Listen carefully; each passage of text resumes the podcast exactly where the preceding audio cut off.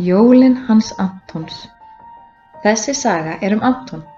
Hann er lítill jólaálfur sem vildi halda sín eigin jól án fjölskyldunar af því að hann vildi ekki deila með öðrum.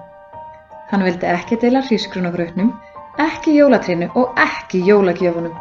En heldur þú að það hafi verið góð hugmynd hjá Antoni?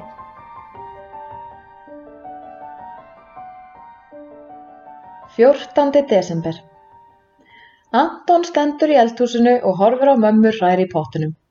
Hann nær sér í skeið og stelst til að smakka örlítið. Mmm, hvað grauturinn er góður, segir hann. Varst að búa hann til handa mér? Nei, segir mamma. Grauturinn er handa okkur öllum. Já, en ég þarf að hafa mikinn graut með mér í kofan, segir Anton og bendur á mömmu með skeiðinni. Ertu búin að gleyma því?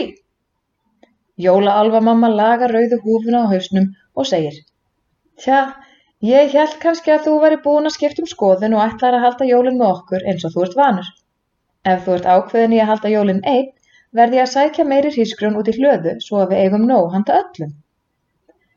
Mamma setur köplóta sjali sitt á herðarnar því það er kallt úti og hún þarf að ganga út í hlöðu þar sem sekkurinn með hrísgrjónunum er geimtur. Anton hugsa sig aðeins um en ákveður svo að fara með mömmu. Það er best að vera örugur um að hún taki nógu mikið af grjónum.